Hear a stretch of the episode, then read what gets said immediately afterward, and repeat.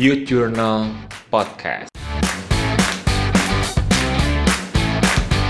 Oke, halo Youters, welcome back to Youth Journal Podcast. Where everybody can learn from everybody.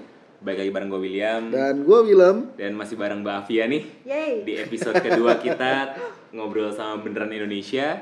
Tapi hari hari ini kalau tadi kita sudah ngebahas banyak tentang siapa dan apa itu beneran Indonesia, sekarang kita mau lebih yang kontekstual nih.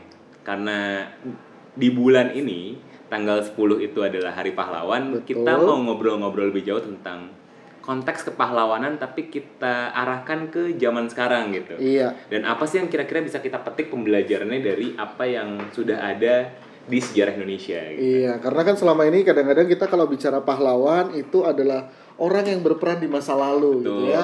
Orang yang udah mati, orang yang udah ya sudah gitu sudah dia meninggal. sudah lalu. Lalu pertanyaannya ada nggak sih pahlawan masa kini gitu ya? Nah, ini yang kita mau bahas lebih jauh dan mungkin kita langsung tanya aja nih ke Mbak Afia. Mbak Afia kalau menurut pandangan Mbak sendiri, mungkin nggak sih menciptakan pahlawan masa kini? Jadi sebelum masuk ke mungkin apa enggak mungkin agak mundur ke definisi pahlawan, itu ya. Oke. Jadi siapa yang bisa kita sebut pahlawan gitu sehingga baik masa lalu, masa kini dan masa depan dia tetap konsisten jadi pahlawan atau kita bisa Hmm. ciptakan gitu. Itu menurut saya mulai dari mindsetnya sih, mindset yang other oriented. Jadi orang-orang yang hidupnya nggak hanya mikir diri sendiri, tapi mikirin orang lain, gimana caranya membuat orang lain, membuat komunitasnya, membuat kota dan bangsanya lebih sejahtera, lalu kemudian mau membayar harga untuk mewujudkannya itu. Hmm. Itu menurut saya yang kualitas dasarnya seorang pahlawan. Salah satu partnya berarti altruistik juga ya sebenarnya. ya. Thinking of others. caranya. Thinking of others, yes, Hmm. other oriented kalau aku bilang. Iya iya iya. iya. Nah kira-kira kalau kita asosiasikan ke zaman sekarang gitu ya, ke era milenial nih, era sekarang. Zaman now. Menurut Mbak Afia masih ada nggak sih pahlawan pahlawan yang seperti definisinya Mbak Afia gitu? Kalau zaman dulu kan kita asosiasi pahlawan adalah mereka yang berperang untuk membela bangsa Iya. ini dari penjajah, dari dari orang-orang yang ingin merebut bangsa ini. Kalau sekarang kira-kira relevansi pahlawan masa kini itu menurut Mbak Afia seperti apa? Pahlawan masa kini ya, ya seperti yang saya bilang tadi definisinya nggak jauh dari situ, Mhm, mhm. tapi orang-orang yang mau menciptakan sesuatu yang ada manfaatnya buat banyak orang. Oke. gitu. Jadi mulai dari yang sederhana seperti yang mungkin saya bilang di edisi sebelumnya, anak-anak yang mau mikirin perpustakaan jalanan Nah, iya. gitu ya. Pokoknya membentuk inisiatif-inisiatif yang menyejahterakan orang lain. Seperti itu. Jadi bentuknya bisa macam-macam. Bisa membuat website untuk advokasi satu eh, apa cause yang apa dekat di hati yang membuat eh, meningkatkan awareness seperti itu. Jadi bentuknya bisa macam-macam. Berarti kalau zaman sekarang ini pahlawan itu bisa diasosiasikan ke dalam banyak hal. Intinya adalah bagaimana dia ber- bisa bermanfaat dengan eh, untuk orang lain gitu ya. Nah, kalau misalkan Mbak Afia lihat di zaman sekarang gitu, di era milenial, di era teknologi semakin berkembang. Kalau kami sendiri nggak tahu sih kalau William gimana, tapi kalau aku melihatnya kayaknya anak muda tuh cenderung apatis terhadap terhadap kondisi bangsa ini, lebih lebih peduli dengan mungkin kita juga kali ya lebih peduli dengan Dirinya. diri sendiri gitu. Tapi kalau misalnya Mbak Afia yang terjun dan eh, bergelut langsung dengan dunia anak muda dan aktivisme, Mbak Afia ngeliat bener nggak sih seperti itu atau sebenarnya masih banyak anak muda yang peduli terhadap bangsa ini? Gitu? Sebetulnya eh, kadang-kadang saya juga awalnya begitu ya, tapi semakin saya terjun langsung berinteraksi dengan banyak anak-anak muda, sebetulnya tuh mereka nggak apatis, Hmm. tapi tidak tahu bagaimana caranya Ya, ya. dan kemudian eh, wadah apa aja yang bisa mereka ikuti untuk menunjukkan kepeduliannya itu Hmm. gitu jadi sebetulnya ada banyak sekali yang mau dalam hatinya tuh mau cuman bingung mulai dari mana Oke. gitu jadi sebetulnya kalau nih misalnya nih yang kita udah lebih senior mungkin seperti saya saya udah mulai peduli duluan. Jadi sebetulnya daripada saya melabel misalnya anak-anak muda nih kayaknya mungkin banyak yang lain. Tapi apakah saya cukup memberi diri atau menginvestasikan eh, waktu untuk benar-benar ngajakin anak-anak muda ini untuk mau peduli atau justru mau kasih tahu bisa mereka bisa mulai dari mana? Dan kadang-kadang juga mereka selalu mikirnya "Ap- masa iya sih aku bisa berbuat sesuatu Iya, iya, betul. mereka nggak yakin gitu loh Hmm. kalau dirinya tuh sebetulnya berharga dan bisa membuat perubahan gitu justru butuh orang-orang yang membuka mata kalian itu ada di Indonesia itu ada tujuannya loh Hmm. pasti bisa pasti bisa melakukan sesuatu gitu. jadi kadang cuma butuh apa sederhana dorongan-dorongan sederhana seperti itu aja untuk membuat mereka ya juga ya gitu. Dan dan ada wadahnya ya. ada wadahnya Iya, karena aku dulu juga pengen banget volunteering gitu, pengen banget volunteering. Tapi kalau ngelihat dari website-website atau aktivitas yang ada itu pasti ngomongin tentang ngajar gitu. Paling Iya, banyak kan ngajar iya, ya iya. kita ngajar apa pun. Tapi aku ngerasa diriku tuh bukan orang yang bisa ngajar gitu. Kalau bukan ngajar harus ngapain lagi Iya. gitu. Kayak ngajar matematika nggak bisa matematika, ngajar ngajar bahasa Inggris ya nggak pede juga untuk ngajar. Terus harus ngapain gitu. Tapi sebenarnya banyak nggak sih sebenarnya volunteering di luar konsep pembelajaran yang kita kita tahu sampai sejauh ini?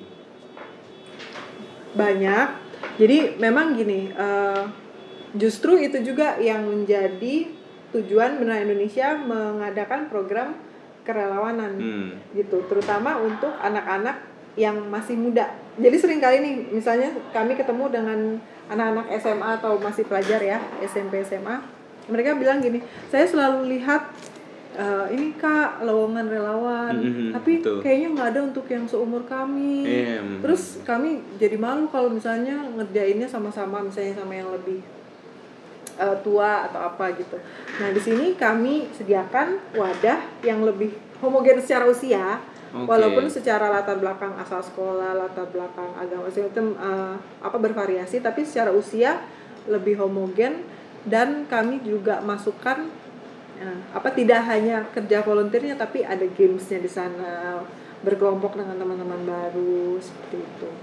Hmm. Kalau ngomongin homogen berarti beneran Indonesia ini mencari volunteer yang biasanya umur berapa sih kisaran usianya? Oh, ke- kemarin itu lebih ke arah pelajar SMA. Oke. Kalau Oke. untuk yang memang kegiatan yang khusus kerelawanan. Tapi kalau misalnya kami adakan event tertentu, biasanya relawan yang membantu itu justru eh, apa mahasiswa atau profesional muda.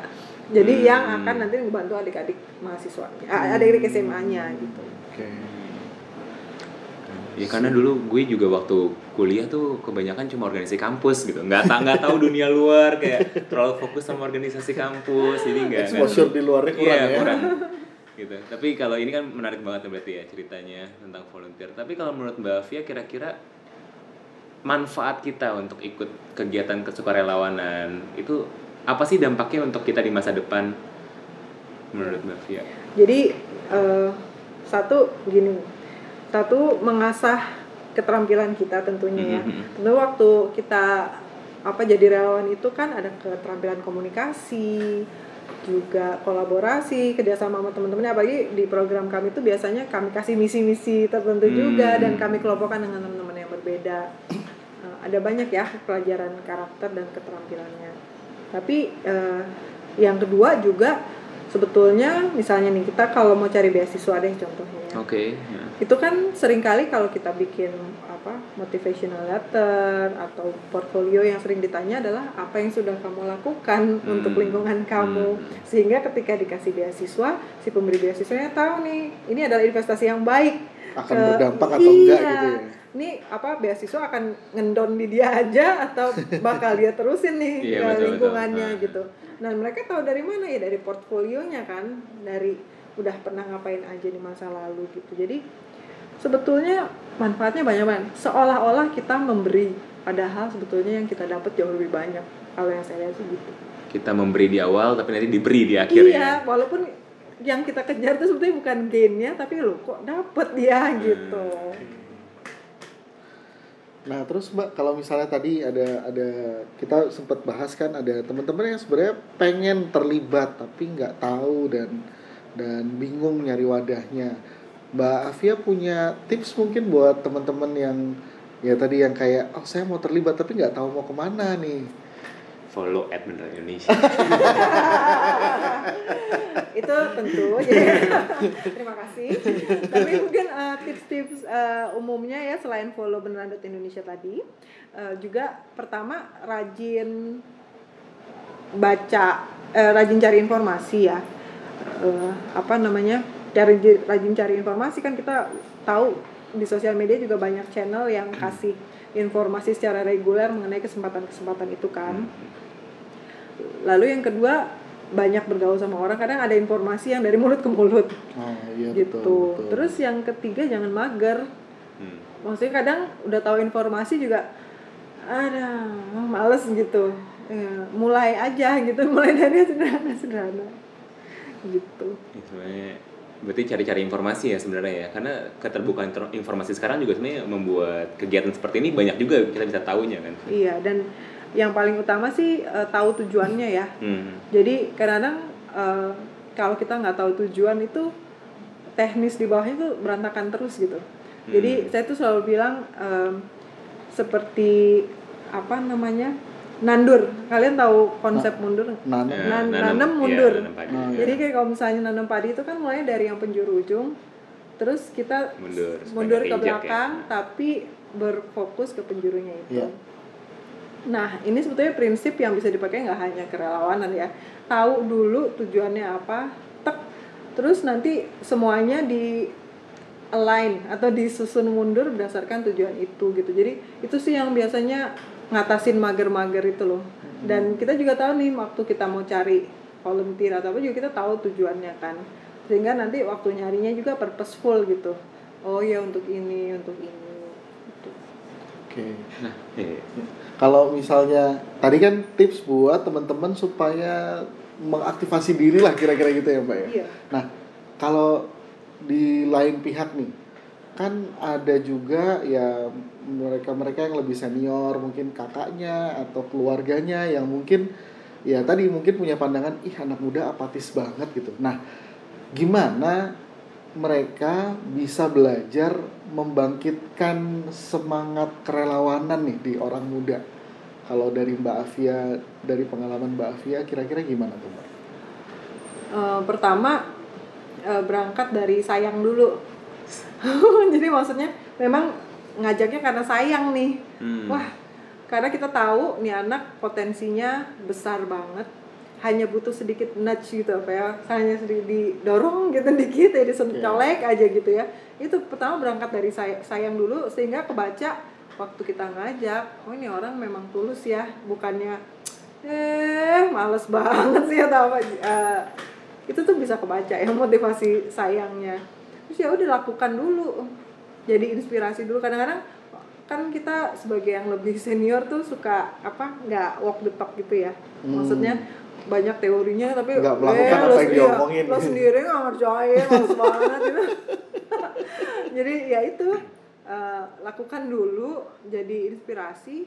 Terus ya sayang memang. Jadi ngajaknya karena emang sayang gitu. Ya udah mungkin dua itu yang paling utama ya nanti tips-tips lain bisa dicari Oke, tuh Will. Udah sayang belum Will? nggak sayang maka nggak ngajak ya.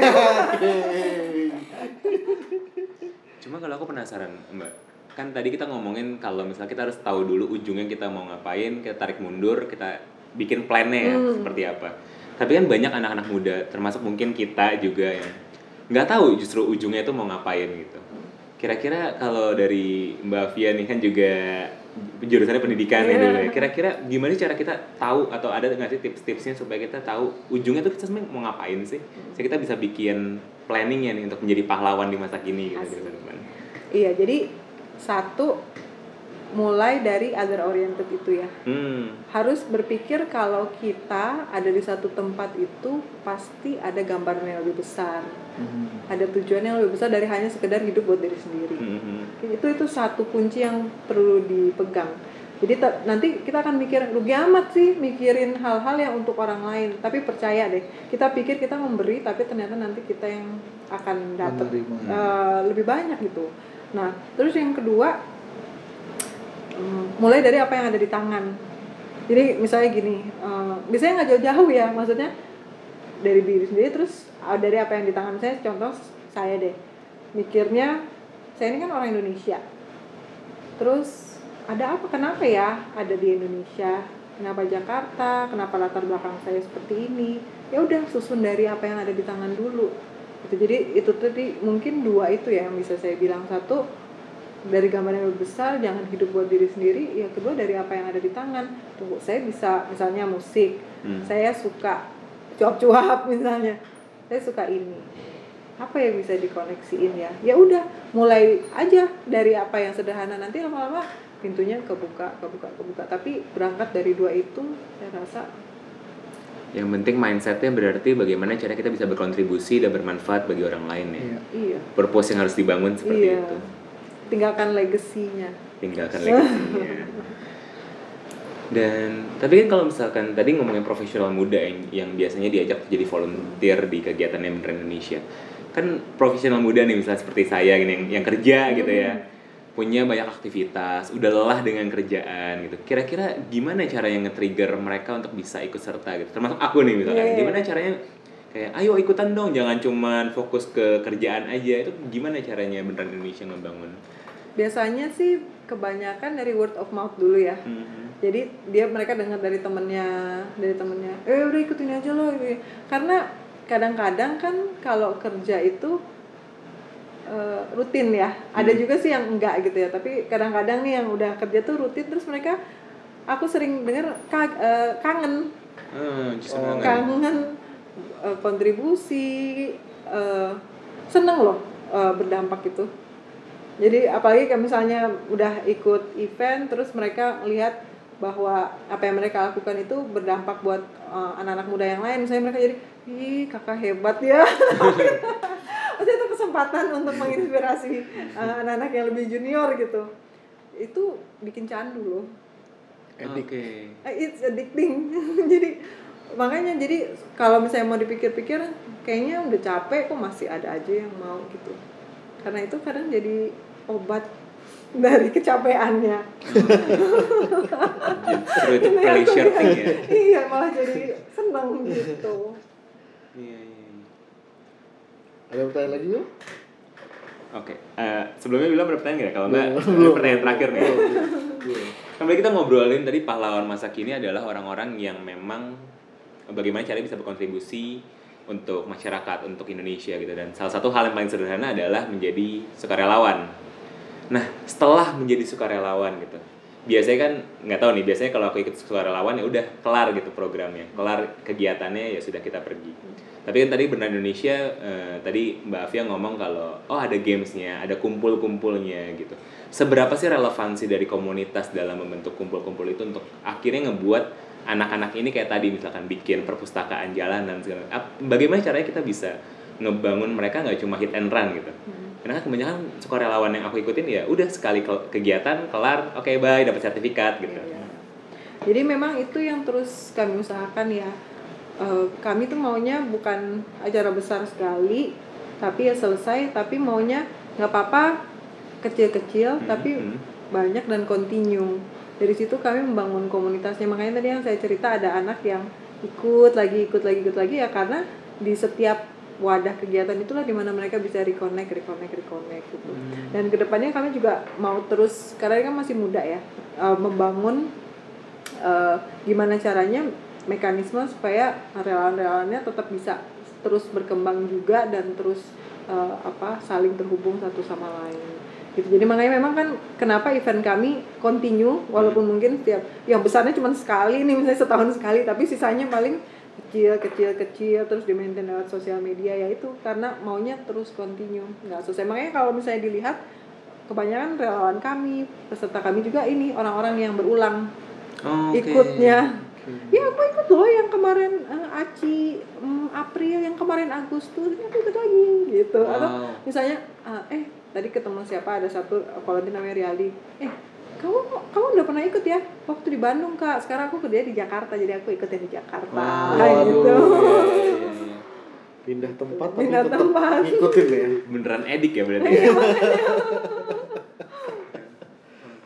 berarti ya sebenarnya di luar pada akhirnya motivasinya balik ke diri sendiri tapi bagaimana komunitas atau organisasi yang terlibat memberikan treatment kepada volunteer juga jadi satu hal yang penting ya sebenarnya Iya, betul. Oke, ada lagi Willem? Ini yang paling terakhir kayaknya. Oke, siap. Silahkan. Nah, yang paling terakhir ini mungkin bukan pertanyaan ya Mbak, tapi eh, kita berharap Mbak Afia mungkin bisa ngasih pesan-pesan buat calon-calon pahlawan masa kini gitu ya, menyambut Hari Pahlawan. Ada nggak yang mungkin yang bisa disampaikan buat ya mungkin teman-teman muda, mungkin juga teman-teman yang udah senior, gimana sih bisa jadi pahlawan masa kini? Tipsnya dari Mbak lagi. Pertama untuk bisa jadi pahlawan masa kini tadi saya udah bilang ya kan ya eh, definisi pahlawan apa, Mm-mm. lalu kemudian ya. Tapi yang terutama juga jangan lupa belajar sejarah. Kan kalau misalnya kita lihat juga Hari Pahlawan ketika Kok aduh ketika pertempuran di Surabaya itu belasan ribu yang Hmm. meninggal bahkan di satu ini bilang 15 ribu tapi tentu nanti jumlahnya kurang lebih itu. Nah kalau kita pikir-pikir 15 ribu itu emangnya orang Jawa semua? Enggak loh.